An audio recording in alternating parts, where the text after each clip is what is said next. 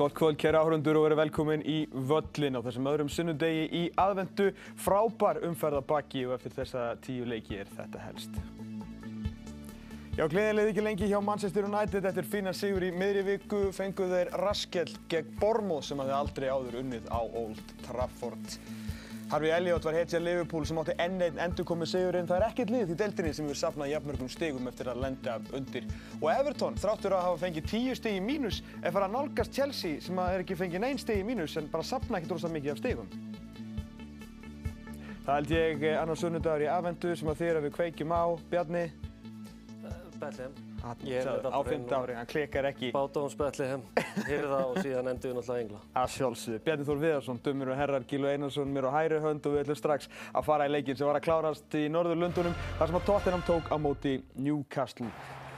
Var áhugaveru leikur svona fyrirfram því að Newcastle auðvitað var skellt í, í miðri viku, virku svolítið þreyttir gegn Everton samt sem áður verið hrikalega flottir. Hinum einn, Tottenham án síðustu fimm leikjum eftir að hafa ekki tapað í fyrstu tíu. Þetta var nú bara algjör veistla en Tottenham mjög snemma bara síndu að þeir ætluðu að sína alla sína bestu hliðar. Já og, og þeir gerðu það sannlega en Ben Davies þarna rétt áður, frábæra tæklingu, gerði það frábælega en, en Destiny mættur hann inn í teg og Tottenham byrjaði þetta frábælega. Við rættum það fyrir leikinn Tómas að liði uh, virkuð þreyttir gegn, gegn Evertónu voru það og svona virkuð líka bara nokkuð þreyttir í dag bara sóknarpressa Tottenham Gylfi bara helt áfram og áfram og áfram. Uh, Richarlison bætti við öðrumarkinu á 30.8. mínútu. Son náttúrulega leik sér, listir sér hennar fýblar uh, sjálfan Kieran Trippier upp á skónum og bara sem mættur. Já, uh, Trippier, ólíku sjálfur sér. Tvo leiki röð. Já, gerði mistök í, tvein mistök í síðasta leik ok, maður sér bara að hann er þreyttur þannig að hann þarf kvíld Við tökum ekkert frá, frá Tottenham, við gerðum það frábæðilega og gott að fá þennan mann í gang tvö mörg frá honum, Richarlison aftur og 60.000 ég meina ef hann alltaf núna að fara að vakna þá nú, hefur maður kannski minni ágjörun á Tottenham. Er ekki tími til að hann vakni? Jú, ég held það. Sitt bara sérstaklega fyrir Tottenham. Öflugum með Evertón á síðan tíma en verið lengi í ganga þarna. Já, já, það er kannski líka með Richarlison að þarf svona nokkuð nokku mörg tækifæri en, en, og flottur þetta átt að skora þrennu en, en en mikilvægt fyrir þá að fá hann í gang og líka bara mikilvægt fyrir Tottenham að vinna aftur, einhvern veginn að vinna eins og tölum á hann í fimm leiki röð og verið að komast yfir en ekki ná að klára leiki og það líka hefur áhrif að sjálfstöðust hjá liðum en, en bara frábært að koma tilbaka og enn áttur frábært fókbólti sem stundins með Tottenham að fá að sjá á heimaðli. Sáum hann að fleiri og fleiri færi, stórvinnum minn Brennan Johnson fekk tvö færi, Holm Minn fekk annað til, síðan þessi sending hérna í gegn. Son, gegn Martin Dubravka. Og guð hvað er saknað Nick Pope, Dubravka. Var hann ekkert að rekna með því að vera að spila eitthvað á næstunni, alveg hörmuleg tækling hjá markurinnum. Vítaspilnum dæmt, Son á punktinn og hann skoraði 4-0 og ef að leikurinn var ekki búinn, þá var hann alveg búinn þarna. Já, já, Korona er bara flotta leik hjá, hjá, hjá sér í kvöld, það er frábæð út um allt og, og, og með þessi, með þessi gæði sem hann er með að hann er tætt í sig núkvæmstvörnum. Hefði getið skora síðan þarna uh, virkilega vel gett frábær hreyfingarna líka hjá hann. Þeir gerðu síðan smá mistök undir lokinn þegar hafa ekkert mikinn áhuga að halda hreinu. Nei og, og ég held að Hans Póstur Kóklu sé svona nokkuð ósáttu þarna sérstaklega með Píri Emil Hauberg og þetta gefa boltan frá sig því að, að þeir voru búin að fá sér 13 mörgur síðustu 5 leikjum voru búin að vera nokkuð öflug og vartalega þannig að hann hefði held ég að halda hreinu auðvitað eins og flesti þjálfar en það var svekkjand að fá þetta marka á sig því að, því að það hefur aðeins betra, það skiptir ekki öllum áli að taka þetta 4-5-0 heldur en 4-1 Já, bara mikilvægt að fá þessi þrjú stig eftir þessa hreinu af slæm uh, gengiliðsins undafarið og, og hérna, komast loksins að sigur braut þegar við skulum gefa þeim það þegar hafa aldrei farið frá sínum hérna, gildum og hafa verið stórir alla tíman að spila sinn bolta það verður rafsa fyrir það með þess að nýja moti öllu þetta er náttúrulega bara frábært og gaman að horfa á þetta og aðeinsluta þessi maður sé í, í þessari bestu deildi heimi Sko, ef við bara byrjum á, á fyrsta markinu því að þetta var ekki bara eitthvað mark, þetta var bara Tottenham í nótskur. Menna Destiny, bakverðurinn, tekur léttan snúning. Hver er það mætturinn í teginn bara, þú veist, svo besta nýja? Já, bakverðurinn sem, sem byrjar múfið inn á miðið eins og segir og tekur frábæra snúning. Við vorum að tala um það hversu öflug Sarr og Bissúma væri að nota aftur undan að skíla boltanum inn á miðjunni. Sér þarna hversu vel að... Báði bakverðir mættir. Já, já. Þannig að það er, þú sjá það, báðið bakgrunni mættir hérna upp, þannig að þeir eru bara all in í sókn og, og, og þeir, þeir uppskýra. Þú getur við rættu aðeins líka, Gilvi, þannig að Dubravka, hvernig einhvern veginn nota lappirnar, þú veist að tala á hann um hversu slemt þau verið að missa Pope. Hefði Nick Pope hendt sér út af það með hendurnar?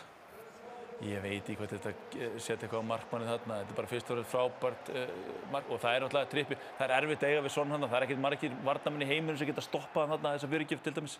2-0 markið kannski svona meiri já, einstaklingsmiðstök og einstaklingsgæði, ég meina það er allir komnið tilbaka en hér er bara sonn friskari heldur en Trippier. Já, ég held að það sé bara frábært orðað hér og sást að líka í fyrsta markinu hversu svona eitthvað eh, Já, sló einhvern veginn trippi er, er, er í varnarleiknum og þarna líka aftur, hann er einhvern veginn skalla boltan, er ekki rétt staðsettur og, og er, að, er að lendi í brasi því miður og, og en er ekki konið í bann.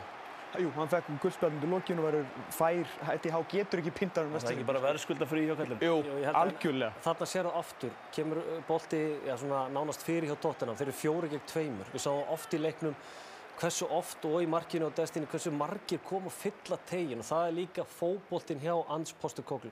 Ég Ekki er- bara fylla tegin, þetta koma allir á fullir með Ekki hægt að dekka, svo Nei, að meining í hlaupunum og, og svona, já, bara öllum aðgerðum Tottenham þ- þráttu fyrir að þeir hafa ekki verið að segja úslið kannski.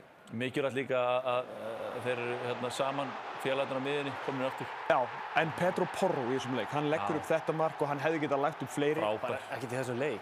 Já, svona, þetta var, Já, Hann tók var að, síðan tók hann eitt kloppa þarna til að gera hans lítið um mönnum og, og, og, en hann er, hann er uh, búinn að vera mjög góður á þessu tímabili. Auðvitað var þetta erfitt hjá hann í fyrra, kemur hann ekki á láni í fyrra og, og eh, sem svona- sumar? jú. og lendir náttúrulega kannski á þjálfurinn sem voru að spila ekki svipa á fótbolta á anspostu kóklu en, en hann er búinn að vera mjög öflugur og, og líka bara þegar Tottenham er að losa svo pressinu, við tölum áttu Sarr og Bissúma þegar þeir fá boltan og eru svona skílunum og, og reyna að vinna menn og koma boltanum áfram, hann er líka frábær í Petro Porro, Destiny líka en Petro Porro aðeins betri.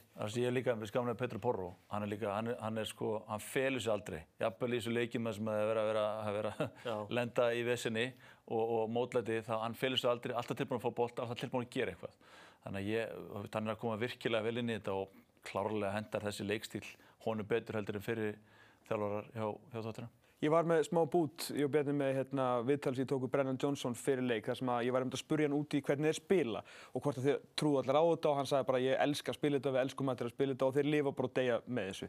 Uh, því að í dag að það er náttúrulega hinliðin á teiningnum með Pedro Porro og Destiny þeir eru svona framalega auðvitað koma ótrúlega flotti hlutur út úr þessu og við elskum að horfa á þetta en það er alveg, hlut, þú veist, þeir eru alveg opnið tilbaka eins og við fengum að sjá. Já, ég meina, bara fyrsta færi leiksins, það gerist ákvarðat þarna, já. Eða svona svipað og, og, og þarna þegar Anthony Gordon einhvern veginn kennst í gegn og Ben Davies bara bjargar og það kemur upp úr svona mómenti og eins og segir, það, þetta er, það er áætt í þessu en, en hún er auðvitað minni þegar Romero og Mikki van de Ven eru með. En það er þetta pláss sem náttúrulega verður svo hættulegt. En, en þú myndist þetta á hann uh, að hérna, vissulega saknaðir hérna, Matti Venn en, hérna, en Ben Davies, eins og segir á hann, þetta var geðveikt. Þú sér líka bara, hann, hann ætlar alltaf að reyna þetta. Já, já. Getur ekki gert þetta annað en, en því... Það er annað þetta er bara sjálfsmark. Já, Ég sjáu áfram hvað þeir eru svona hátt framar á vellinum, hann er út og úki náttúrulega og veist, hann er ekki að gera neitt ránt, þetta er bara staðan sem hann að vera í. En þannig ef einn sending klikkar þá er þetta hætta. Já, já, en svona vel að spila og, og þeir bara hérna, standa og falla með því en hérna, klárlega leikinnir eru alltaf skemmtilegir, það er bara óhjákamilegt. Og eins og þú sagðir, með þessa fimm leikið sem að gekk illa, þeir, þú veist, þeir hætta ekkert. Aldrei. Þetta er bara þeirra. Já, já, hann talaði líka sjálfur um það að þeir ætlu ekki að hætta en, en hver hefur trúað því eftir hvað eru búin með 16 leiki núna? Já. Að uh, við fórum aðeins í tölfræna í þessum manni Hans Postekoglu fyrir tímabili og hann kemur frá Celtic og, og þjálfaði þetta í Ástralíu og Japan líka að þeir heldur boltarum hjá Celtic 73% af meðaldæli í skósku deildinu og maður svona hugsaði með sig það er aldrei hægt að gera þetta í ennsku deildinu en leik eftir leik 60% pluss. Hugsið ykkur aðeins, strókar, ef að, það- nú hefur við talað um hvað séu Manchester United eftir. Ja, mögulega. ef að við myndum setja svona karakter inn í Manchester United, bara Ans bara setja hann inn í stærsta klúbi í heimi, hvað hann geti gert. Við fyrir kannski betur yfir hérna, Já, gengið en þeirra á, á, á átján mánuðum, hvað heldur hann væri búin að gera í United? Já, ég, þú þarf allan að losa fullt af leikmunum og ég veit ekki alveg hvernig, hvernig það myndi ganga. Það er ekki smá tíma, en, en þú veist, ég bara tala um, sko, aðdándu liðsins myndu elskan og aðdándu liðsins ver, verða að tengja við stjóran. Það er sem að vissilega er að gerast í Tottenham. Ekki bara aðdándu Tottenham heldur, aðdándu fótbolta, allir elskan. En var þetta njúkastúl? Erfileikar útöðlu hjá þeim og bara erfileikar í deildinni Eitt, eitt sigurleikur út úr velli. Já, og fyrst ykkar tapleikur í London eða ekki ykkur áttarleiki núna í röð en, en uh, þeir eru, og við tölum það fyrir leikin, þeir eru alltaf öðru á útöðli heldur en heimaðalli, þeir fá okkur veginn miklu meira orku frá fólkinu og sent í þessu spark, skiljanlega, en þeir einhvern veginn leikur Newcastle snýst að miklu leiti um að vinna boltan hátt á vellinum í svona transition, uh, high turnover stæmi en, en þeir eru ekki að ná því að þeir eru bara virkilega þreyttir og það eru auðvitað út af því að þeir eru með Þeir eru með heilt lið á meiðslanum. Þetta er alltaf óeðlilega Já. mikið að þetta er, svo- þetta er svo í gamla daga þegar alltaf tala um að hérna, æfingasæðir að vera byggt á hann á steipu og hérna, Albert Luke mætti og spila Þeir eru reyndar, það er kaldara fyrir norðan í Englandi heldur en, heldur en sunna, þannig að það Meir um það síðar. Við höldum áfram, förum á Selhurst Park í Lundunum þar sem að Liverpool var í heimsókn. Liverpool, eh, þetta var hátegisleikurinn í gær sem þýtti það að Liverpool gætt komið sér á toppin í deildinni og sett svona smá pressu, pressum á kalla á Arsenal sem var á leið út á leiðinni á Villa Park setna um daginn. Liverpool ekkert eitthvað brjálæðislega sannfærandi gegn Sheffield United í vikunni en unnu merki góðra liða, lið sem að á endanum kannski vinna eitthvað og þið voru ekkert sérstaklega hrifnir af framistöðinu þessu leik. Nei, þeir voru bara, Liverpool voru skelvilegir í þessu leik. Bara, ég segi bara þangu til, þangu til að þeir verða manni fleiri, þá breytist allt. Já, ég, ég sammála sko ákveðna framistuðu voru, voru skjálfilegar, ekki á þessum manni þarna. alveg um að fá hann Þeir aftur. átti ekki skota marki, Bjarni, í 74 mínútur eða hvað þetta var. Það er bara, það er hár rétt hjá þér og, og þe- þeir hérna uh, vatur að enda átt í miklum erfileikum og það var eins og Krista Pallas og Rói Hodgson hefur búin að lesa það fyrir leikin. Hann lætu Vil Hjúsin á miðuna fyrir Olíse sem fór á bekkin, mjög varna sinna en eins og þarna, þetta var náttúrulega. Þá voru við búin að sjá þetta, hann, hann, var, hann er lengi einhvern veginn að snúa með boltan og konu frá sig, tekur alltaf mikið af einhverjum auka tötsum og þeir voru bara í vandræðum í uppspili Liverpool og, og Krista Pallas gerði allt rétt, þeir, þeir pyrruðu það, þeir vörðust þétt og beittu síðan skildi svona. Hvað er hérna aukarspilna, Gilvi? Fulltrúi gamla skólans? Já, við skulum segja þessu aukarspinna en, en hann var heppinn endó. Það var mjög soft og hann var bara, ég samanlega Bjarni, hann var í, sko, og ekki bara hann, Sobo Slæ líka, Will Hughes var að keira yfir á miðunni. Það segir ímislegt og Will Hughes er ekki besti miðjumæður í deildinni. Þeir fengu síðan víti, reyndar á 57. mínúti að þá var markið klaufalega gert hjá eh, stráknum unga Kwanza. Já, þetta, þetta er auðvitað víti, bara því miður hann, hann sparkar í hann, en, en það sem var kannski fyrirlegast þetta var hversu langa tíma, er eitthvað tvær mínútur þetta tók, því leikur var í gangi, en maður var alltaf að fá í eira, maður var að lýsa leiknum að, að það væri verið að tjekka á þessu, það er verið að tjekka á þessu, og síðan allt í einu loksins eftir tvær mínútur komast þeirra niðurstu, en, en þetta er klöfulegt hjá Kvansa sem var þokkalegur í leiknum, en, en hann tekin út á hann stuttu setna. Jordan Ayew fekk gullt spjald á 60. mínútu fyrir að standa fyrir boltanum. Birgir van Dijk klókur hann setur hann strax í hann og hann fekk gullt. Síðan 15 mínútur senna í stöðunni 1-0 vitandi það að hann er klálega að fara út af það. Gerir þetta afskaplega klaufalegt og heldur betur happ fyrir Liverpool að hann var þetta villus. Já, þetta var klaufarlegt hjá honum og hérna, að því að þeir voru með þennan leik bara í teðskipt, Já, Krista þetta- Pallas. Þeir voru með þá bara og, og hérna, en reyndar hrós á, Jörgur Klopp fyrir þessar skiptingar sem ekki. Þetta breytir öllu, þetta, þetta setna gula spjald. Smá lukka yfir markinu en þessi maður hér svo sem búinn að vinna sér inn fyrir nægri lukku fyrir lífstíð. Mark nummer 150 í ennsku úrástöldinni komin í 150 marka klúbin á samt nokkur af bestu leikmönnum fótbolta sögunar og 200 mörg fyrir Liverpool korki meira enn minna.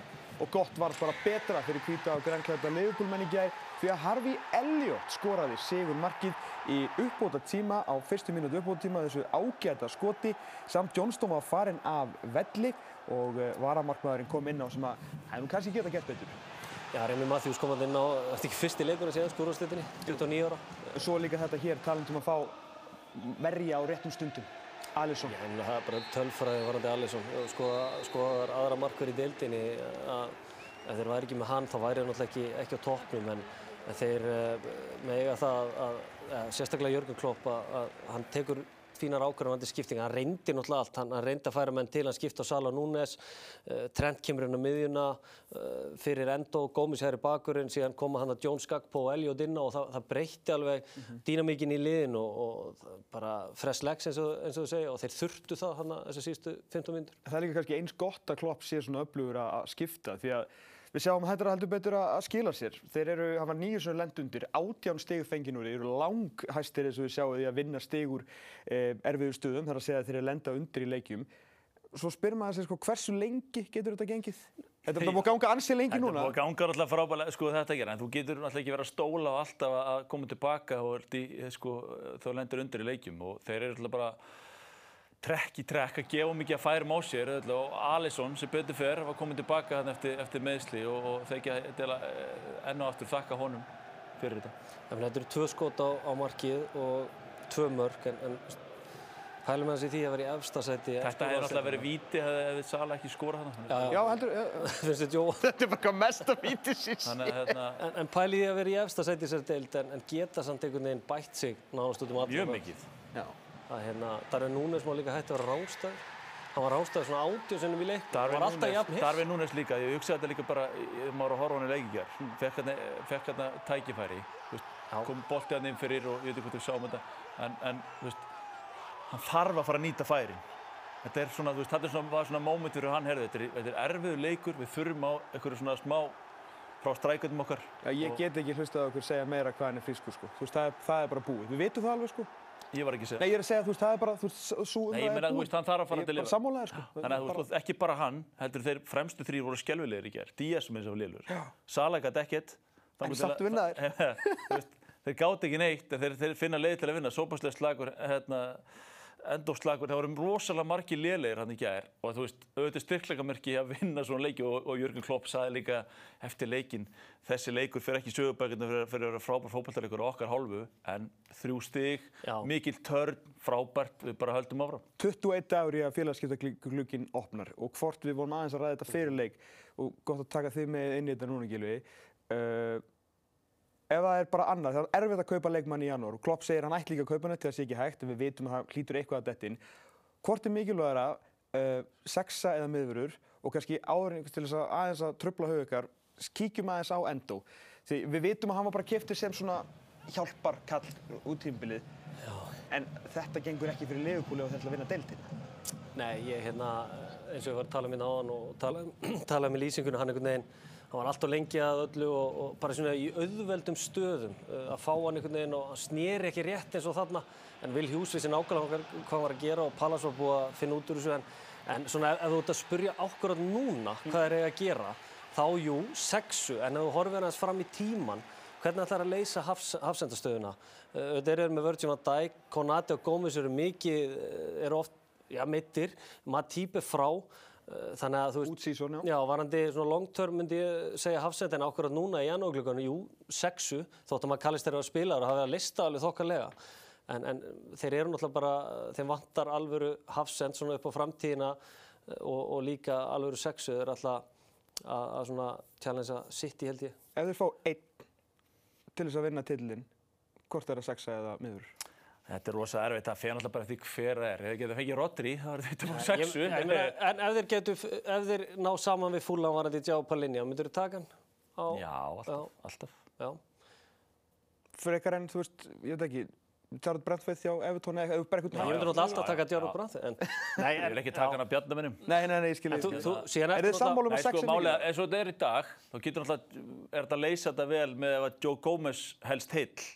að þetta náttúrulega, þetta að þetta með að hann spila bara hægri bakurinn og Trent fyrr þarna á miðjuna.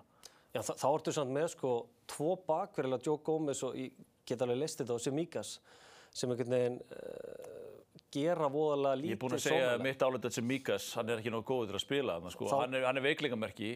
Þá kemur náttúrulega því að Andy Robertson er líka frá þannig að Já, já. Þeir þurfa Það- sexu- Þeir eru, eru eins og svo mörg önnulið. En er þið sammála um að sexa sé líkilæðri í janúar? Æ, Þetta er svo erfitt að setja, þetta er bara að það vantar bæði. Ég, ég get ekki alveg sagt hvort vantar meira. Þetta er unni, Jú, jú, ég- þetta, fer eftir er- hva, hvernig, hvernig heilsanum manni verður. sexa er líkilstaðan í janúar næsta sumar eins og það ætla að gera sumar er vinsturfótar hafsend uh, til að, að koma inn í þetta tríu með uh, Konate og, og Van Dijk og vonandi Joe Gomez. Sjáum hvað verður en eh, enn eitt sigurinn hjá Liverpool sem er einmitt á toppnum í deildinni. En Old Trafford í Manchester reykti gleði og glöms uh, eftir flotta framistuðu í vikunni. Guðni T.H. Jóhannesson, fórsett Íslands í viðtali á MUTV, óskaði eftir jólamarki frá Rasmus Højlund, uh, mikill United stundismöður Guðni og var spenntur fyrir leiknum. Uh, ég veit að menn er alveg pirraðir yfir æsef og svona sko, en það var nú alveg óþara að eyðileggja jólinn fyrir greiði manninum því að Manchester United þeir gáttu bara ekkert. Þetta var eiginlega sjokkarandi að horfa á þetta gerð.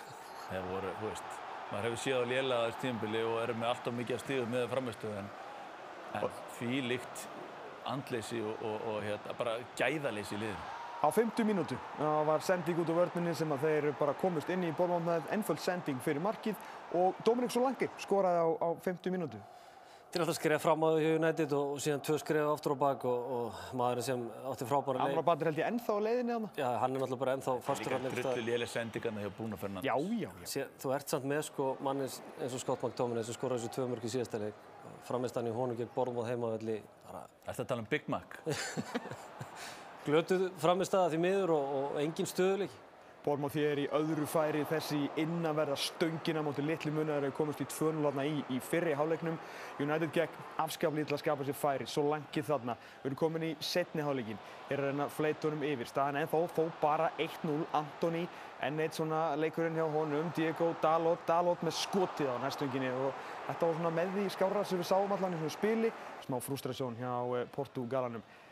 En Bormóð, þeir eh, áttu eftir að klára hennan leik. Hér sjáum við þá vinna boltan eh, inn á miðunni, strauja bara fram, sendingin inn á teginn frá Marcus Tavernier og Philip Billing stekkur í gegnum Shaw og skora. Þegar Shaw byrjar að gera kannski, við tala um tvenn mistök þarna, þá, þá veginn á, á United lítinn lítinn séns í að vinna fótbollaleik því miður og enn og aftur er Amrabat einhvern veginn af hverju hann þarna framal á miðjunni þegar hann á að vera aftastur og hlaupa eftir boltanum lítið skipulag og, og bara því miður þá áttu við náttúrulega ekkert, ekkert skilið úr þessu leik þennilega. En við skulum ekki taka neitt af Bormóð. Nei, nei. Við sko, Bormóð voru frábæri í þessu leik. Og eru sko- að vera. Þeir það var gott skipla á þeim. Þeir, voru, þeir vissu nákvæmlega hvað þeir voru að gera og áttur hann sigur svo skilið. Bara skyndi svona frábærar, vinnusamir og þeir bara vissu nákvæmlega hvað er að vera best að refsa United. Þeir hlupu gjössanlega yfir þá, Lewis Cook og Ryan Christie á miðunni. Og, og það, bara, það er engin hraði, það er ekki tempo í þessu United leiknum. Svo bara hérna Johnny Evans, Harry Maguire skildir eftir í rikinu og þeir voru bara hefnir. Þetta var dæmt hendi, Amrabat eh, þó mættur þarna aftast. Náðu nú ekki að verja þetta en slupum með skrekkinn þarna og staðan því bara 3-0. Bormóð sem hefði aldrei unnið á Old Trafford. Eh, unnið bara líka svona svakalega sannfærandi. Það held ég eh, 3-0 loka tölur sem það voru ansi mörg auðsæti þegar að eh, flauta var. Já, já, líka, líka púaðu þetta á leikmenn United skiljanlega og, en þessi maður þarna er í óla eins og við tölum um fyrir leiki Tómas að að þeir, þeir eru byrjar að, trúa verkinni leikmenn Bormóð, það er komið miklu meira jafnvægi á, á hlutin og þeir, þeir pressa mjög vel. Ég, eins og- og í gerir- fyrsta markinu. Já, þriðamarkið. Harry Maguire gerur auðvitað þessi mistök og sendingin hjá Amrabat er mjög skrítin að koma með boltan þarna, þversending einhvern veginn á, á Harry Maguire en þeir pressa mjög vel ákvörð á þessum stöðum á vellinum og, og það er orðið miklu, miklu betra hjá þeim og þannig að það er bara allt hrósa er í jóla hvernig að laga upp leikin en Já, líka bara mikið sjálfstört í Bormóðliðinu. Þeir eru með 13 stig núna í 75 leikin. Þetta er erfið að byrjun. Hvað er, veist, hvað er það sem að gerist hér? Ég meina, þú veist, Skopma Tómin alltaf er ekki svona horfið kringu sig og svo kannski það sem að þú varst að tala um, hraðin í að vinna. Þeir koma bara á fullri ferð og þeir hugsa bara, herðu, þegar þeir spila þessi sendingar þá ætlum við að koma á fullri ferð, vinna boltan, sækja hratt og, og breyka á, sem bara tókst fullkomlega. Það er bara skipulega United í, í báðum mörkun. Amrabat í fyrsta mörkun líka þarna uh, og einhvern veginn alltaf hugsa, heyrðu næsti maður reddar þessu.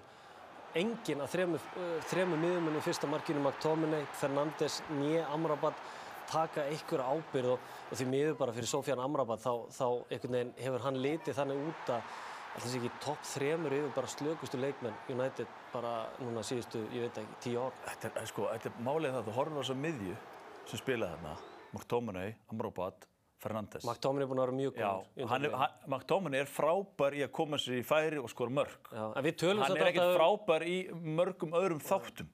Nei, og, og, og, og þú veist hvernig, hvernig þú veist, miðjumenn hlaupa trekk í trekk yfir þessa miðju já.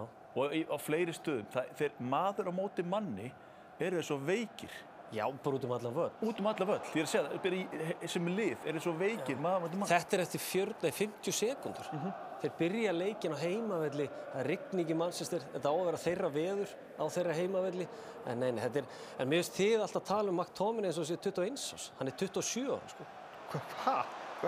eins og hann, þú veist, hann, hann á stöðuleikin í leik Scott McTominay er eiginlega engin, hann á 2-3 góða leiki síðan koma 2-3 lélegir. Þannig að hann einhvern veginn þarf að, að já, bara hýsa upp um þessu buksunar í hverjum einasta leik og þarf einhvern veginn að reyna að leiða þessa miðju og eins og við erum að tala um í fyrsta markinu hann tekur enga ábyrgð, Skopma Tómin hitt ekki samherja í þessu leik, sko. afleitt framist til miður og, og hann er eins og við segja, hann er 27 ára en ekki 21 á skilju sko, eins og þú verðist tala um. Já, ég meina, sko, þetta er samt sem áður hann má eiga það. Að hann er, hann er uppalinn hérna, í, United og hann er með hjarta á réttu stað, hann vil spila og hann er, veist, hann er bara ekki nógu góður í fótballta, skiljur, hann, hann, hann, er, hann er frábær að koma sér í færi og hefur sínt að vera Skotland líka, hann, er, hann getur, hann getur skora mörg og, og djöblast, en hann er ekki, Nei. þetta er ekki playmaker, þetta er ekki, þetta er ekki frábær fótballtamaður, þetta er kannski ekki með gæðin til að vera miðjumæður í liði sem ætla sér að berast um titla. Nei, enda, ég er bara, ég er bara ekki þar. Enda eittur 130 miljónum punta í tvo aðra sem eru meittir, Casemiro og Mason Hann var aldrei inn í plönum hjá Ten Hag.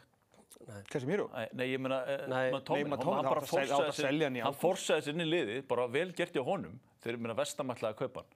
En þú veist, þetta er bara svo mikið andleysi, svo mikið gæðaleysi. En segjum við, hver, hver er munurinn á miðvíkudagskvöldinu þar sem að var nú svona, United menn leiði sér allan að brosa í 2-3 sólaringa og hvað gerir svo Ég þarna? hef svolítið verið að strá reiki í augu af fólki með þessu, með þessu, með þessu Chelsea-leik. Ok, Chelsea voru bara algjöru klaufar að valdi ekki við Uniteds leik. Og þetta, United voru, voru, voru miklu betri þarna en í mörgum mörgum leikum. En Chelsea fekk svo mörg upplöf, svo mörg tækifæri í að skora mörg og, og skapa sér dauðafæri sem voru algjöru klaufar í. Ef, þeir, ef þú vorst að tala um til dæmis, ef við berum saman Tottenham, hefði lett í Tottenham í og spilað eins, þá hefði Tottenham valdaði við þá. Bara klíniskari. Já. Já. Já, ég, ég, sko United, það, það var alltaf hann bragur yfir þeim gegn Chelsea. Þeir, þeir, þeir gerðu pressunum miklu betur framan á vellinum en auðvitað náttúrulega var það Chelsea líka sem var að gefa þeim boltan. Auðvitað fekk Chelsea fullt af tækifærum en United, þeir voru alveg nokkuð öflugur. Það var miklu meiri svona meining í hlutunni hjá flestum leikmunum en, en þarna gegn Bormo það var bara eins og helmingurinn í liðinu nefndi sig ekki því miður og, og ákvörðun líka hjá Erik Ten Hag byrja með Anthony Martial. Svo Hvað eitt þetta mark á þessu tíumbili og, og það gerist ekki Það neitt. er bara ekki nógu stóð karakter til að spila fyrir hennar klúb. Þú veist, þetta er, þú, þarft að vera stór og núna kemur virkilega í ljós. Við sjáum nú Bruno Fernandes fær hann að, sem að, þetta gula spjald. Hann veit, hann veit vel, hann, hann, hann þarf að fá eitt gul spjald til að, það að þarf að fá. Hann, hann er einu guli spjaldi frá leikbanni og hann veit alveg hvaða leikur er næst. Það er Liverpool og Anfield. Og ég er, ekki, ég, er ekki, ég er ekki að segja að hann hafi fengið þetta viljandi, en þú verður að vera skinsamur þarna og fá guldspjald fyrir kjaftbrúk. Á Hann er búinn að 84. fá alltaf mörg guldspjöld með að við gæinn tæklar aldrei.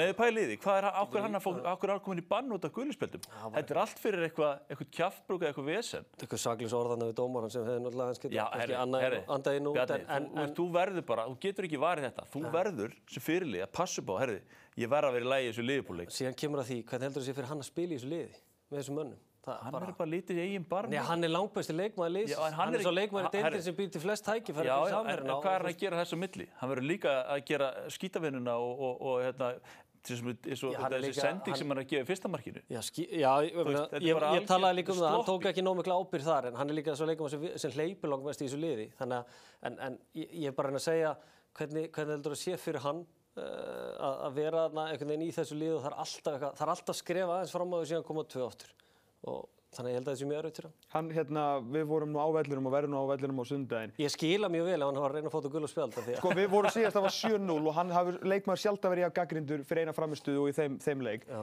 Hann er nokkuð ekki að vera þar. Hann hugsaði bara, hei, ég nenni þessu ekki aftur. Sko. nei. Heldur það?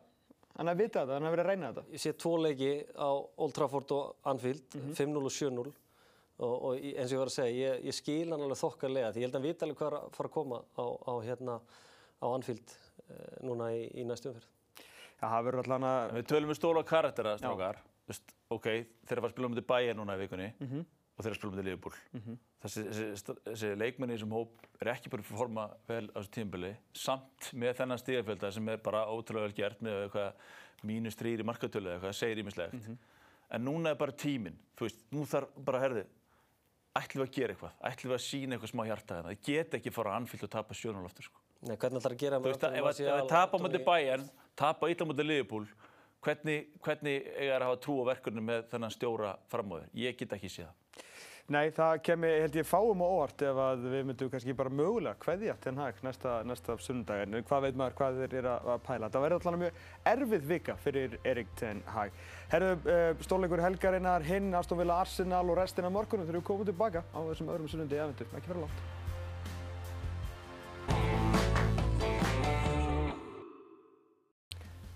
Velkomin aftur, við erum áfram að gera upp þessa 16. umferð í ennsku úrvalstildinni með þeim Gilva og Bjarnar Þór og við förum á Villa Park í Birmingham. Þar sem að Aston Villa tók á móti Arsenal. Spenningur er mikill fyrir þessum leik því að Aston Villa gæti komið sér upp að, já, alveg upp að Arsenal, einu stíði frá þeim með sigri en Arsenal hefði líka getað að skila Aston Villa aðeins eftir. Stór leikur í gær, það var mjög svona taktískur búki á Saka fekk fyrsta færið fyrir Arsenal snemma leiks en náðu nú ekki alveg að munda hann hægri fótinn.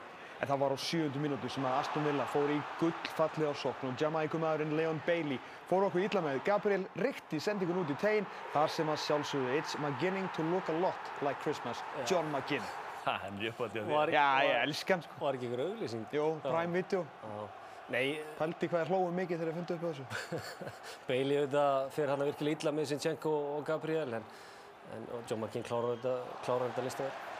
En Arsenal, uh, hún svo meira með boltan í þessum leik. Aston Villa alveg tilbúið, þeir heldur línu svona, svona mátulega hátt samt aðeins aftarhendur um vanalega og það var Arsenal sem var að fá fleiri færi. Martin Ödegaard dróð þennan uh, fram hjá Aston Villa tilbúið að býða aðeins síðan að reyna að sækja hratt auðvitað með uh, hraðskriða menn. Ég hér það Gabriel Martinelli, kemur hann og Kai Havertz, þú voru með sitt sterkasta lið í gær uh, Arsenal. Hér sendi ekki segja hann Martin Ödegaard og þarna á svona mómentum er gott af rummenn eins og Emiliano Martínez í markinu. Hann var bara, hann las auðvitað þarna og og valdi rétt. Já, hann var bara mættur. Hann var þetta ekki rétt fyrir hálfleik, uh, svona, fyrir hálfleikin þessi tvö, tvö skipti sem Arsenal. Komast inn í Já, komast inn í 1-0. þetta en, en, en þetta gerir hann bara vel, hann, Emiliano Martínez. Skoruðu næstu í sjálfs sprellimark þegar að eh, Martínez sló boltan eða í bakið á eh, Ollie Watkins. Það var á mikið að gera ekki á Emiliano Martínez, svolítið að fara í stuðningsmennina, hafa gaman, vera með smá vesen, mikill karakter, vill taka virkan þátt í, í leiknum. Aston Villa bakkaði alltaf meira og meira og fengu Arsenal fekk að vera mikið með boltan. Þessar sendingar hættulegar í leiknum en einhvern veginn náður fyrir utan þetta döðafæri, algjört döðafæri, þá var ekki, náður ekki að gera þetta með Júrisu. Nei, mér fannst samt sko Arsenal, þeir mættu, þeir mættu þarna nokkuð mínú, mínútu fyrr út í setni hálfleikin og svona virtust vera klári í þetta og, þeir voru mjög, mjög feski fannst mér í setni hálfleik, sérstaklega til að byrja með en það var oft á tím svona smá survival mode hjá, hjá Aston Villa en, en þeir bara annar risa leikurinn á, á hvað fjórun dögum og maður svona spurði sjálf sig fyrir leikin hvort þeir myndi hafa orku í að performa aftur líkamlega og andlega. Já, ég meina, þetta er ekki 15. heimasíðun í röð sem vinna. Jú. Ótrúlega tölfræði frá að Emily tók við. Hér er Kai Havertz með það sem þið held að er jöfnunarmarki. Þetta var tekið af vegna hendi á Kai Havertz og það er svona sér sínast nú hverjum Arsenal-mannum um þetta en kannski leikil aðrið svo að Jared Gillett dæmdi markið af strax. Hvort hann hefði leiðið til að standa ef, að þetta hefði verið, ef hann hefði dæmt markið vitum við svo sem ekki en þetta þýtti það allavega að Aston Villa tók City og Arsenal með þryggjadega millibili 38% með boltan 0,57 í XG en það þarf ekkert alltaf að vera með ekki með boltan til þess að vinna leikin. Nei, þetta var mjög frábyrðin svona framistað frá, frá Sýrun gegn City. Þetta þurftu að grafa mjög djúft fannst mér oft á tíðum Aston Villa en, en, en Arsenal náttúrulega átt að skora í þessum leik og, og þessi hendi sem við kannski ræðum minna eftir svona létt, létt skrítin ákvörðum fannst mér. Byrjum bara á því, uh, hvað þér um þetta? Sákvæmt reglunum náttúrulega er þetta hendi og þetta dæma af en, en þá kemur að reglunum. Mér finnst þetta einhvern veginn bolt við líki í, í Matti Kass og mér finnst þetta bara eitthvað að vera allt og lítið til, a, til að dæma markið af en, en kannski líkitinn er eins og þú sagðir aðan, hann dæmi strax markið af. Hann fer svona fyrst einhvern veginn í Kai Havertz og þaðan í höndin á Matti Kass og svo tilbaka. Okkur er þetta ekki hendi þá Matti Kass. Það fer svona, hann er með hendur kannski aðeins upp á líkamannum. Ja, það sé líka góð punkti og gila. Þetta Premier League merkið er ekki hendi. Sko. Samkvæmt, nú er ég að vitna í reglunar, ekki okkur. Sko. Ég mér finnst, mér finnst engin munur á þessu. Einhvern veginn, eh, hvað er hann með hendina og þetta er, þú veist, þú, þú valla sérða hann fyrir hendina á Kai Havertz, þetta sérðu það en þetta er einhvern veginn svo, Það fer alveg tvisar hendur hann. Já, er, já, er ekki líki ladrið samt eins og ég segja. Hann dæmt, ef hann hefði dæmt mark eða leftið að standa, þú veist, hvort það er hérna, voru ekki nóg miklu mikil sönnugögn til þess að taka þetta af, Já, skiljið mig. já, já. Ég- Eða setja það á í þessu tilviki. já, ég held að hann aldrei þóra að taka það af en, en, en mér finnst þessi regla enn og aftur Þessi regla hættur en að vera meira gagvart sóknarmennum. Sóknarmennum er frekar að hagnast reglum frekar en að varnamenn. Við viljum fá fleiri mörk í fókbalt. Já, það er allan að þetta hérna, var, var tekið af þeim. Herum, skoðum þetta segumark því að þetta var hrein snild og kom snemma leiks. Uh, þau byrja bara hjá markverði. Já, Þeir voru duglegar að þessu, Pá Torres mikið að leysa það út með fínum vinstrifóta sendingum.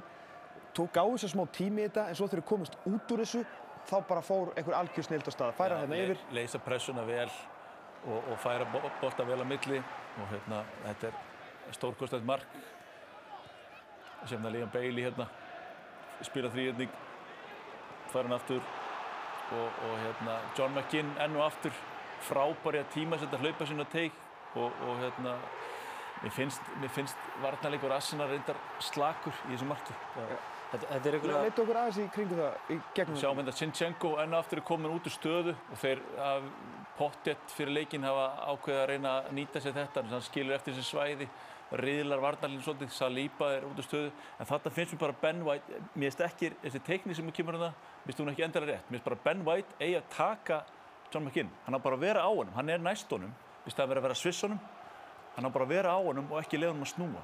Hann er bara, ég skil ekki hvað hann er að gefa honum en að auka metra.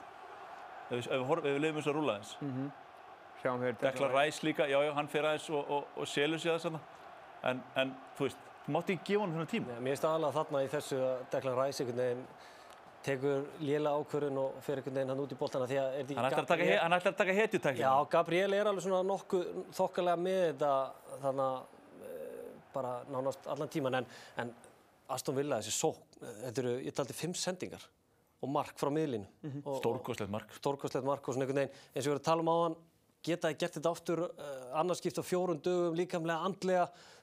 Svarið svona kom smá hann eftir ykkur sjö mínútur. Og þetta voru Arsenal sem fengu mjög góð færi en, en, en En í sóknarleikum gerði það kannski ekki mikið í viðbútt en það var líkillinn að þessu segri náttúrulega hvernig þeir eh, bara lokuðu á allt. Leittu nú aðeins fólki í gegnum hvernig þeir, voru að þeir loka eru á allt. náttúrulega bara Una Emery uh, hvernig, eftir að hann kom inn í þetta 4-4-2 eða 4-2-2-2 einhvern veginn þú sér það hvernig vangbennir eru svona nokkuð innarlega og, og þeir býða alltaf eftir réttu mómentunum og, og láta rétta pressu og veginn þeir eru bara mjög hver, hver og einn einasti leikmaður liðsins veit nákvæmlega hvað hann á að gera og, og þeir eru bara mjög svona yfirvegar í allri já, varna vinnu þeir, Og varna línan helt alveg svakalega. Já, en varnavinnan eins og gegn City var aðeins uh, lægri og, og hann líka maður eiga það, Una Emery, að hann er helviti klókur ef aðeins að, að, blóta hennar stjóri að einhvern veginn að, að aðlaga sig liðum sem eru eiga að vera betri og eru, eru svona kannski með stærri nöfn. Það er ekkit lið bara til að koma í svona í tengsli við þessa varnarlínu. Það er ekkit lið í deildinni sem hefur fiskað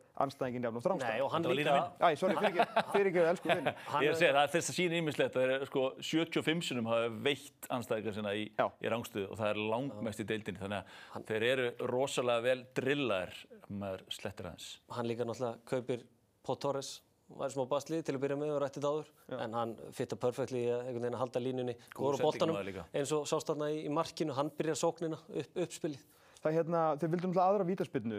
Við sáum víti á mjög svipaðan hlut í Liverpool-leiknum þegar, að, þegar Crystal Palace færi auðvitað vítaspinnuna. Sko, ma maður skilur svo sem alveg Jared Gillett að sjá þetta ekki í, í rauntíma en til þess ennú varið. Fyrsta þér var, er þetta ekki víti? Ég meina, ef þú ætlar að hafa línuna eins og var, við sáum bara Liverpool fá þessi viti, þá er þetta viti með við þetta, en hvort það sé rétt regla finnst mér ekki, en, en hérna, á alveg, alveg punktur hérna. er komin ykkur útskýring af hverju það var ekkert nænt viti Nei, ég ætla sér ekki bara að semja brefin. Nei, ég, ég veit ekki. bara hærtanlega sammála gilva þarna ef ef þeir ætla að halda þessa línu þá er náttúrulega átt að vítaspöta þarna því miður fyrir, fyrir Aston Villa en, en hérna en auðvitað fyrir Arsenal kannski Arteta var svona nokkuð pyrraðar hann upp í, upp í bóksinu sín Mástu þegar við lístum hérna Arsenal Chelsea um daginn, uh, vorum að tala um hvernig bakverðinir voru að taka svolítið út Gabriel Martinelli og Bukayo Saka. Það virti svona klálega eins og Una Emery hafi fylgst með því því að Luka Deine, ég hafa með svona frjálst leifi bara á að bomba Saka niður og meira þess að þegar hann var komið með guldspjald þá meira þess að gera Una Emery skiptingu, setur Alex Moreno, ferskan inn á til að halda áfram á þurruma niður. Já, Una Emery er, er sá maður sem gaf Bukayo Saka sénsinn fyrir ykkur fimm árum og veit svo sem alveg hvernig hann funkar en það er, hafa fleiri þjálfara gert þetta auðvitað náttúrulega er þetta dirty en, en þetta er leið til að stoppa og hún virtist að virka í þessum leik því miður fyrir Arsenal Ég sammála því, ef þú ætlar að stoppa Arsenal, það er að fyrsta sem við hugsa sem stjóri, það er að stoppa Bukayo Saka og, og Gabriel Martinelli, það er svona nummer eitt. Það var vel pyrraður strákurinn búin að leggja upp eða skora í 12 mörg á þessari leiktíð þannig að ekki, ekki amalegt. Rétt aðeins með hérna markurinn strákar. David Raya kemur hérna inn mikið svona jafnli jaml og föður í kringu það þar sem hann auðvitað leysir af markurinn sem áttu nú flott tíumbili fyrra. Sko, það er ímislegt búið að gerast af David Raya sem hann kiftu meðal, meðal annars út af því hvað hann er öflugur í tegnum. En það hefur kannski ekki alveg verið að ganga. Hér sjáum við, bökkum aðeins til að segja smá sögulínu. Uh, James Madison, uh, skora hefur, við sáum hvað gerist á undan, akkur blakaði hann ekki bara boltanum yfir. Svo förum við gegnum Múdrygg-markið, við förum við gegnum Luton-markið núna á, á dögunum, Já. Newcastle-markið. Já, við getum líka farið tilbaka og, og ekki talað um mörg, við getum líka talað um svona uppspili hjá liðinu eins og gegn City á heimavelli, hann var mjög shaky þar, var það ekki einn af fyrstu leikjunum hans mm. og, og það er eins og þarna gegn Luton alltaf komið smá og óvart af því að Arteta svona til að vera sangað með sjálfu sér að hendi ekki bara ramstil aftur í ramman. Það hefur eitthvað gerst þar. Ég er alveg viss um það. Það er eitthvað, hann hefur, hann er, hann er bara ekki með trú á ramstil lengur. Það er bara, ég held að það sé alveg 100% og hann, hann neytar að, að, að tjá sig um, um mistökjáraði. E, líka þetta hér, á hann, til að uppáða spurningin mín, á hann á að verja þetta? Ef ekki bara segja já. Nei, nei, hann, ok, þetta er alltaf stuttu færi, en hann á klárlega alltaf að vera í bóltarum. Ég held að það sé aðalega með David Ræja er sko, þú veist að tala um hann, hann fengi frá Brent Horta því að hversu öflugur hann er í tegnum og koma út, mm -hmm. hann, er, hann er bara ykkur 1.83, já, en, en sko, sjálfströsti í öllum aðgerðum hjá Brentford þegar hann var þar, mm. það var svakalegt. Ég sé það ekki hjá Arsenal, því sko, miður. Hann er efstur í að stoppa krossa í dildinni, hann stoppar 17% krossa sem hún næsti með 11, allt í lagi. En gleymið því ekki Arsenal færi náttúrulega á sig mjög mikið af lélegum krossum því að þeir eru náttúrulega frábært miðvarðarpar, þannig að það er auðvelt að koma út og ná í nokkur auðvelt að bolta. En þegar svona allt er undir eins og þessum klippur sem við vorum að sína, þetta er, þetta er Já, ég held samt að muni bara spila honum. Ég, ég sé ekki fyrir mér að þetta sé að fara, fara að setja ramstil aftur í ramman, ekki nema í einhverju leikin sem skiptir ekki máli. Sko. En er spurningin orðið hvort þetta sé markurinn til að vinna titilin fyrir þá? Það munar, ef við hugsaum bara um að koma í veg fyrir mörg, þá munar fjórum heilum mörgum og honum og Alisson til dæmis. Já, Alisson er alltaf í sérflokki hvað jú, þetta var að reynda, hann er kannski ósakað samanbörur, eða tannig. Já, þeir eru í eftir tömu sætun. Já, já, ég bara segja að Alisson er besti markbæður í heimi Líklega, í, í, í uh, hérna, svona sjóstoppir og einum og einu úrlis. En frábær sigur hjá Aston Villa sem er 35 stíg eftir 16 umfyrir, hvorki meira niður minna. Við förum á Goodison Park og það er einn drengur hér, mér á venstri höfð, farin að dilla sér í sætinu. Hann er farin að trúa. 10 stígi mínus, sjóndagis, ekkert mál. Við á múti heiminum, fólki með okkur, Chelsea í heimsók. Chelsea er þetta að byrja ágætlega sko. Já, Chelsea, Chelsea byrja ágætlega og svona fengu, fengu fínt tækifæri og, og svona nokkuð opnir uh, tilbaka en, en síðan alltaf bara málið með Chelsea einhvern veginn ákvarðantakan á, á mómentu sem hún þarf að vera mjög góð og svona doldið kreatív þá, þá er hún bara ekki til staðar en, en eins og segir, ég minna að fá þessu tíu stygg dregin af, af félaginu var held ég mjög erfitt fyrir alla og það átti engin von á því þótt að þeir hafi kannski brotið af sér. En, en ég held að Elvar hafa norðað þannig í lýsingunum en fór ekki, fór ekki fórstustellingun og þeir heldu áfram að vinna eftir því sem Sean Dice og, og Kevin Telvel yfir maður knafsummála hafa verið að leggja upp með og, og það hefur bara gengið upp og vonandi heldur þetta svona áfram. Já, Chelsea var meira með boltan, svo sem kannski saga þessar umferðar að einhverju leiti. Þeir tengdu saman heilar 84 sendingar í fyrirháleiknum en þeir var alveg sama. Þeir heldur bara áfram með sínu, býði eftir tækiförnum og það fyrst að koma á 50.4. mínútu, góð varsla hjá Robert Sanchez en Abdullah Doucouré fylgir vel eftir. Sá er segur, drjúur í mark markarskorinu. Það hendar líka þess að Sean Dice er að gera alltaf fullkonlega að vera þarna fyrir aftan og þessi maður þarna, Dwight McNeil, sá er að reynast. Já. Já, og, og, og Sean Dice er sko drullusam með possession bara svo Já, hann áttur Ég held að setja það svona svart limband á skjáin Tók samt eftir hérna þegar Dwight McNeil fer hann fram hjá Conor Gallagher. Við rættum það þess, mm -hmm. var náttúrulega bann í síðasta leik út á Gunnar Spjöldum. Svona það var öruglega eitthvað aðeins í haustum á hann Sjáu þetta hér, Lewis Dobbin. Að tryggja sigurinn í uppbótar tíma á annari myndu uppbótar tíma 20 strákur 2003 mótel og þetta er bara Everton, born and bred. Já, þú sér líka bara Goodison Park og stúkun og næstu að það ekki fara af hann en, en bara frábæð sigur og konur upp í 13 stig, erum með 23 stig hérna í okkar, við erum með eigin töflu hérna á sínum sport, svona, þú sér hann ekki en, en Já, það er svolítið bara öll að regna. Það var rosalega, hugsaður að þau tekið 13 stig, þá myndi engi vita. Já, það væri maður í smá brasi. Tíu var þægilegt. Sko, auðvitað er þetta reyngilega flott hjá, hjá Everton en Gilvi, Everton er 6 stigum frá Chelsea með 10 stig í mínus.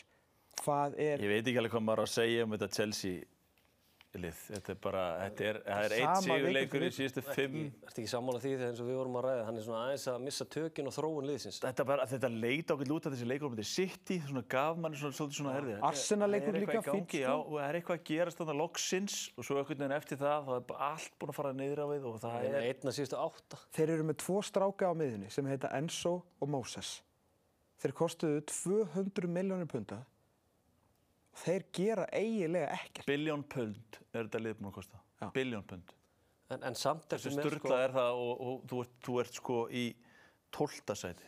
Ég þú- myndi láta þið fá penn og blað, myndur þið hitt á rétt 0 í biljón. Það er erfið sko. En þetta er náttúrulega sko, en þetta er, maður hugsa sko, hafa þið þólemaði í þetta endalust, þessi blessu eigundur hérna. Það er bara eina spurningin. Ég meina í dag, Brója komin inn, búin að gefast upp á Jackson.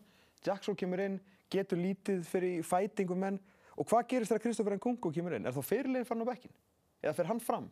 En Kungo fyrir fram, alveg, alveg 100%. Ekki tíuna, hann fer fer, nýna. ég held að hann fari fram Ok. og, en, en það sem kannski þú varst að tala um Caicedo og, og Enzo Fernandes eh, Fernandes eh, leit út fyrir að vera bara þreyttur en, en Conor Gallagher og, og Cole Palmer eru kannski miðmenn sem einhvern veginn er, eh, eru hvað bestir hjá þeim þótt að Palmer sé ekki alltaf að spila á miðjunni en þetta eins og við að tala um þróuliðsins hún er bara einhvern veginn stopp eh, og þeir eru alltaf mitt á milli alls þar við tölum um það þeir eru hvað núna voru allan fyrir leikin 12 stundum frá falli 11 stundum frá Champions League sæti og og ég veit ekki alveg hvernig er að vera stöðismæði Chelsea núna. Það væri gaman að tala við, við ykkur og, og kannski fá það inn í setti bara og spyrja hvernig er að vera. Við erum að fara með einum út um næstu helgi. Já. Ég, ég ringi þið bara.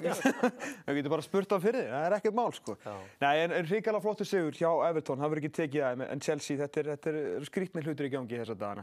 Er, er. Herðu á Kenilworth Road, þeim minnsta en með mesta hjarta var Manchester City í heimsókn. Þeir uh, gerði jættibli við uh, Liverpool, þeir töpuðu í 700 mínúti uppbúta tíma gegn Arsenal, búin að sína þeir geti gert, já, stóru strákonum svo sannarlega skráöfu og það var aftur sama sagan í dag. Heldur betur. Meistararnir þurftu að hafa fyrir þessu. Heldur betur, sko. City voru, voru spiluðan leik vel, byrjuðu vel, spilaði sér vel út í pressunni á Luton, en Luton fóru all in á þá, Mhm. pressa út matavöll, hendu öllu fram í, í förstu leikadröfum og voru bara erfiðir eins og þeir eru búin að vera. og nóg að gera hjá markmannu sem þarf alltaf nýja hanska fyrir hvert leik þeir eru svo vel notaðir, Tómas Kaminski Já, þetta er frábær varsla hjá honum og hérna, þetta var svolítið saga fyrir alveg sem maður sá alveg að- að að Pep var ekki ske, skemmt þetta á bekknum og hann var svona, þetta, var, þetta, þetta leið, þetta leið ekki þægilega. en þeir komust yfir á annari mínútu uppbóta tíma fyrir hálfleiks, Andros Townsend þeir rulluðu sér hann upp hægri vanginn, sóttu svolítið á Guardiol og það var Adebayo með hennan fína skalla Elijah Adebayo þetta var bara glæsilegt mark frá A til Ö Barkley byrjar við verðum að fá að sjá aðdraðan það kemur á eftir þegar, kannski. þegar, sko, Ross Barkley breytist í sinindins í dag. Já, ég menn hann er ekkert eitthvað núna breytið sinn. Nei, ég meina það, það frábæri hann, er, hann er hann frábær. spilaði fyrir hverja, segir við Everton Chelsea Já. og síðan var hann í ekki. Þetta var, þetta múf hann fyrir marki var geðveikt og þetta, þetta var, það sprakk völlurinn hann þegar þeir komast yfir. En, en hver er mættið þarna? Þe- Þessi strákur heitir Rodri og hér jarðítast hann inn á völlin. Þetta er líka eitt besta ekki vítið sig séð en það þurfti ekki að dæma Bernardo Silva. Þeir skora 6.000 annar og 6.050. Gilur, þú varst okkar maður á Kelvin fyrir rót í dag. Voru hérna, sástu hungrið í sitt í að vinna þetta? Í Já, sérna já, já, já, ég sá líka stressið í þeim að, að, að, að landa sigrinu. Hvað- að þeir voru sko, þeir voru farinir að fara á 88. mínútu, bara út í hotfana, það var alveg bætt liðið 6 mínútur, þeir voru strax bara og þeir voru virkilega að, það, var, það kom alveg smá panik þegar hérna, þeir átti hotn lúton síðustu, síðustu mínútur. Sko Kyle Walker sagði við mig í vikunni einmitt þetta. Hann, var svolítið, hann sagði í leiknum um daginn, var ekki mútið Tottenham. Nei, að þú voru að spila þarna um helgina, að- Tottenham síðustu helgi. Hann sagði sko fyrir einhverjum mánuðum hefðu við bara farið út við hotfána og svona reynt að róa þetta aðeins niður. Þannig að þeir eru kannski aðeins að reyna að vera pragmatískar í þessu leik. Algjörlega, en, en þessi, þetta, er, þetta, er, þetta er svona óþægileg völlur að fara á. Það er eh, svona hostile hérna, mm andrúrsloftarna og, og, hérna, og, og ég held bara að Pep sé bara híminn lifandi með, með þessi þrjú stig í dag. Þeir eru, sitt ég aðeins búin að halda hreinu í fjórum að sístu 21 útileg. Það er ennumlega magna. Það er ótrúlegt. Þeir eru búin að fá nýju mörg á þessu núna í síðustu, síðustu hérna, nei, 11 mörg, síðustu fimm leiki. Já.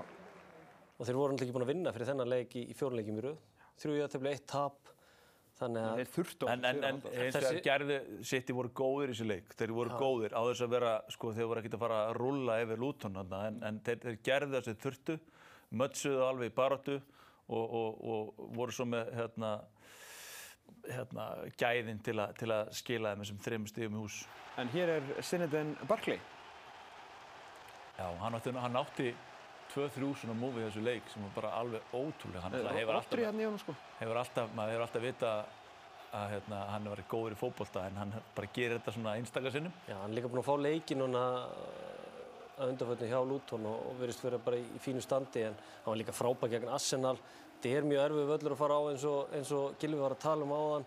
Liverpool lendir í vandræðin, gerir jættefli jafnaðna, ekki á síðustu mínútu en loka mínútunum. Arsenal vinnur á loka, loka sekundunum og, og þeir núna, auðvitað skoraði hvað síðan var ekki á 6050. Þeir byrjuðu samt móti ekki svakalega vel. þú veist. Luton? Luton, Nei, nei, heima, ekki, já, maður bjóst einhvern veginn við svona stemmingu frá, frá upphafi. Já. En, en núna upp á síkasti er þetta virkilega kikkin án þess að vera að skila ennunu stígum eins og þar. Og hefur ekki unnið að leik, þú veist, verið í 31 stíð og þú 6 stígum frá Liverpool. Auðvitað, þeir eru englandsmeistar Ernir, margur eru rauð og oft í smá eldingarleik.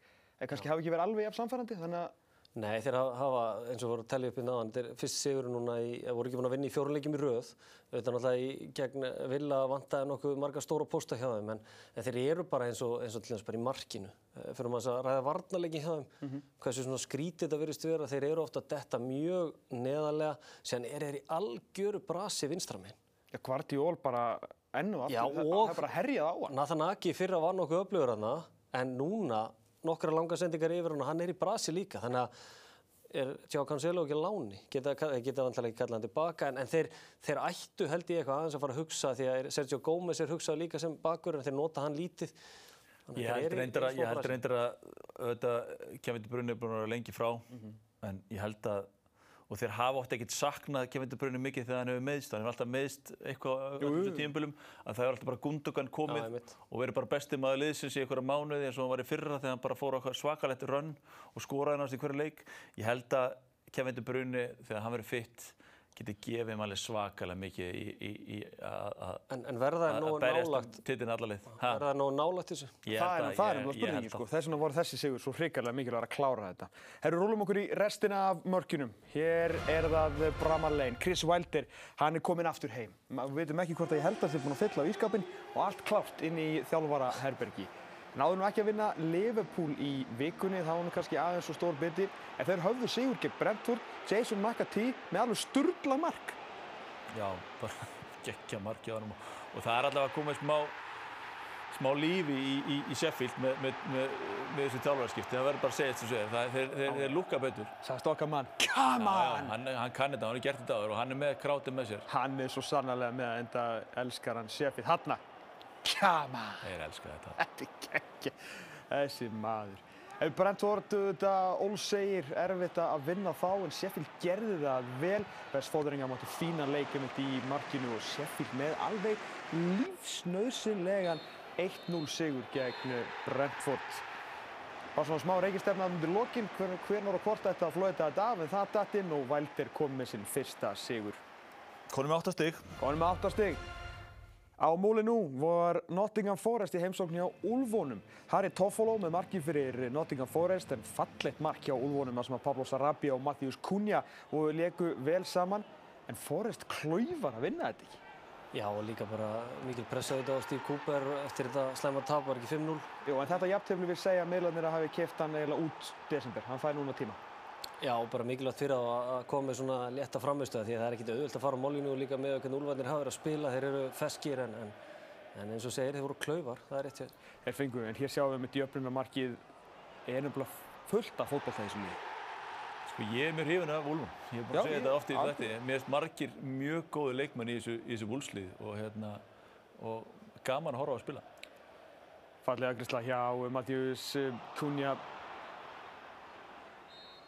grisla hjá Matthews Cunha. Bæði mörkin í fyrri háleiknum. Nottingham Forest fekk uh, fín færi í þessum leik en Steve Cooper líklega fe- fekk líflínu einmitt með þessu jafntefli.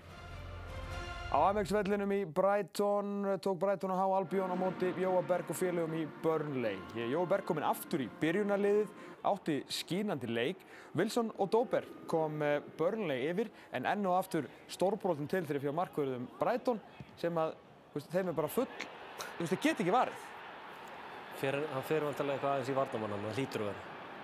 Ég gæti verið, þetta er bara svo laust. Já, þetta er hérna, þetta er ekki góð viðbröð, við getum orðað þannig, en, en hérna, Hann er eiginlega á niðurleið markmaðurinn þegar boltið loksins kemur að markinu.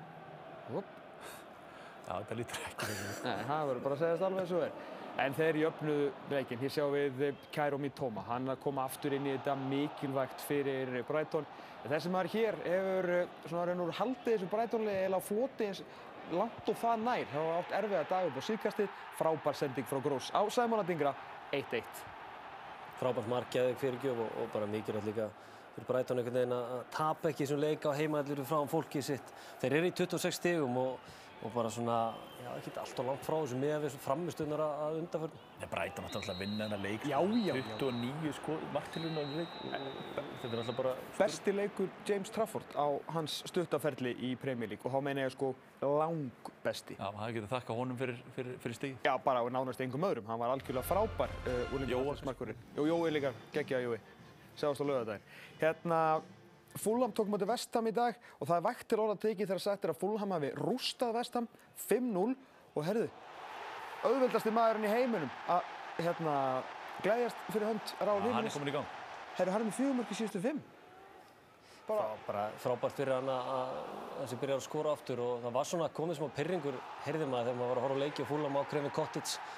Þar sem stuðnismenninni voru orðnir svona nokkuð pyrraðar úti hann var ekki búinn að skora í einhvern 30 og eitthvað leikjum í röð og Ok, það ógeðslega mikið.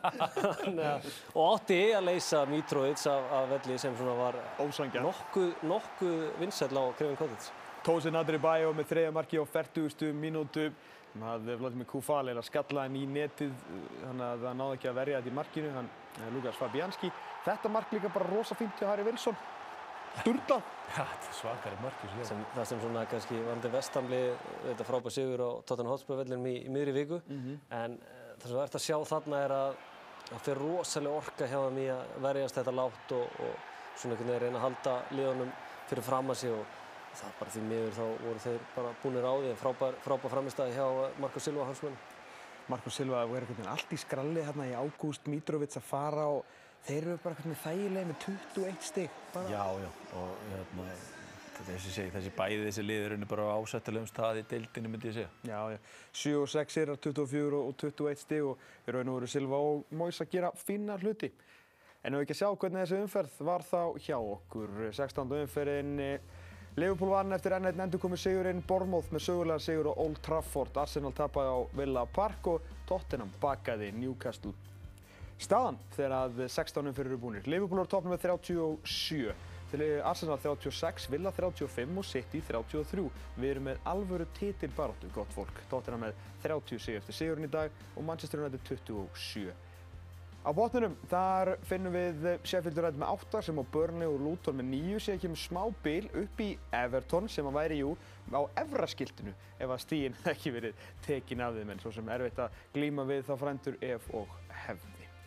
Næsta umferð fyrir fram um næstu helgi. Það er Evrópuvika, þannig að það eru stór sunnudagur aftur. Við byrjum, það er ekki hátegisleikur og heldur ekki kvöldleikur. Byrjum ykkur velverðingar því að þið fáið förstudagsleik í staðinn. Sjáum við sér sunnudaginn. Arsenal Brighton og Liverpool Manchester United og svo þetta Burnley Everton hérna í síðdeginu á uh, laugardaginn. Þetta að vera hrikalega skemmtileg umferð.